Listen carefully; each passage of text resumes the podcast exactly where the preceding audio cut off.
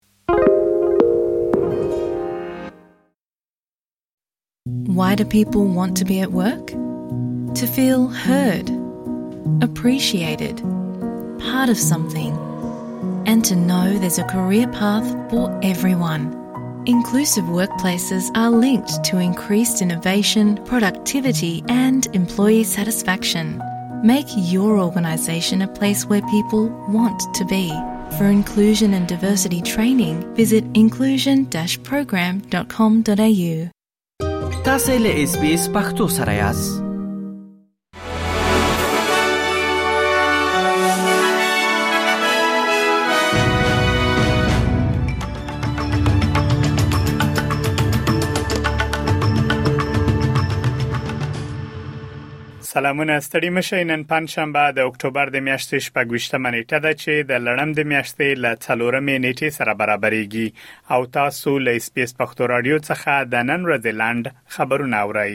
د استرالیا د بهرنۍ چارو وزیره پینی وانګ وایي غزې ته بشري لاسرسی په کافي اندازه نږدې نه دی او هلته وضعیت خراب دی. اغلې وانګ په منځني ختیځ کې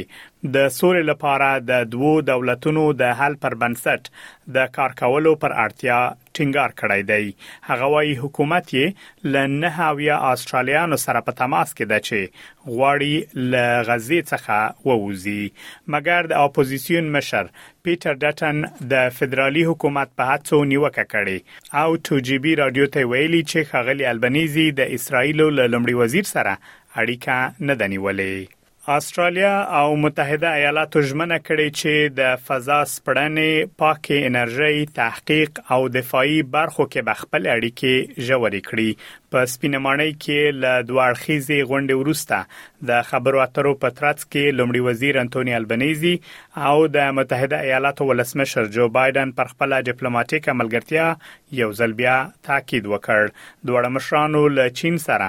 د اړیکو د ښه کولو پر لارو چارو هم خبرې وکړې. د متحده ایالاتو ولسمشر جو بایډن خپل باور څرګند کړ چې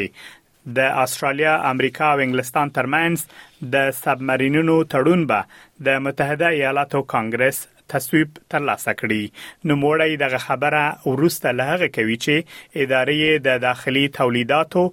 د ودې لپاره د شاوخوا شپږ میلیارډ استرالی ډالرو تمویل اعلان کړی ترڅو د سنا د جمهوریت غوښتونکو اندېښنو ته ځواب ووايي، ښاغلی بایډن وايي اسټرالیا په خپل هیواد کې د پام وړ پانګونه کړې ده. هغه بې ځایه شوي خلک چې اوس په اسټرالیا کې ژوند کوي وايي حکومت باید له مهاجرینو سره د مرستې لپاره ډیر څه وکړي ځکه په نړیواله کچه د شخړو له امله د بې ځایه شویو کسانو په شمیر کې زیاتوالی راغلی دی د ملګرو ملتونو د کډوالو اداره یا یو این ایچ سي آر وایي په ټوله نړۍ کې د هغو کډوالو شمیر چې په منځني ختیځ کې د روانې جګړې له امله بې ځایه شوي اوس یو سلو څوارلس میلیونو ته رسیدلی دی. د یو این ایچ سي آر په وینا د جنوري او جون ترمنځ په ټوله نړۍ کې یو اعشاریه شپږ میلیونه کسانو د پناه غوښتنه کړې چې تر اوسه پورې په یو نیم کال کې تر ټولو لوړ شمیر دی په سودان د کانګو دیموکراتیک جمهوریت میانمار او د اوکراین د جګړې لامل سږ کال تر ټولو زیات خلک د خپل کورونو پریخودلو ته اړ شوی دی ګلین ماکسویل د کرکټ په نړیوال جام کې د تیزې سلیزې ریکارډ مات کړ د دوه زره او درې ویشت کال د کرکټ په نړیوال جام کې تېره شپه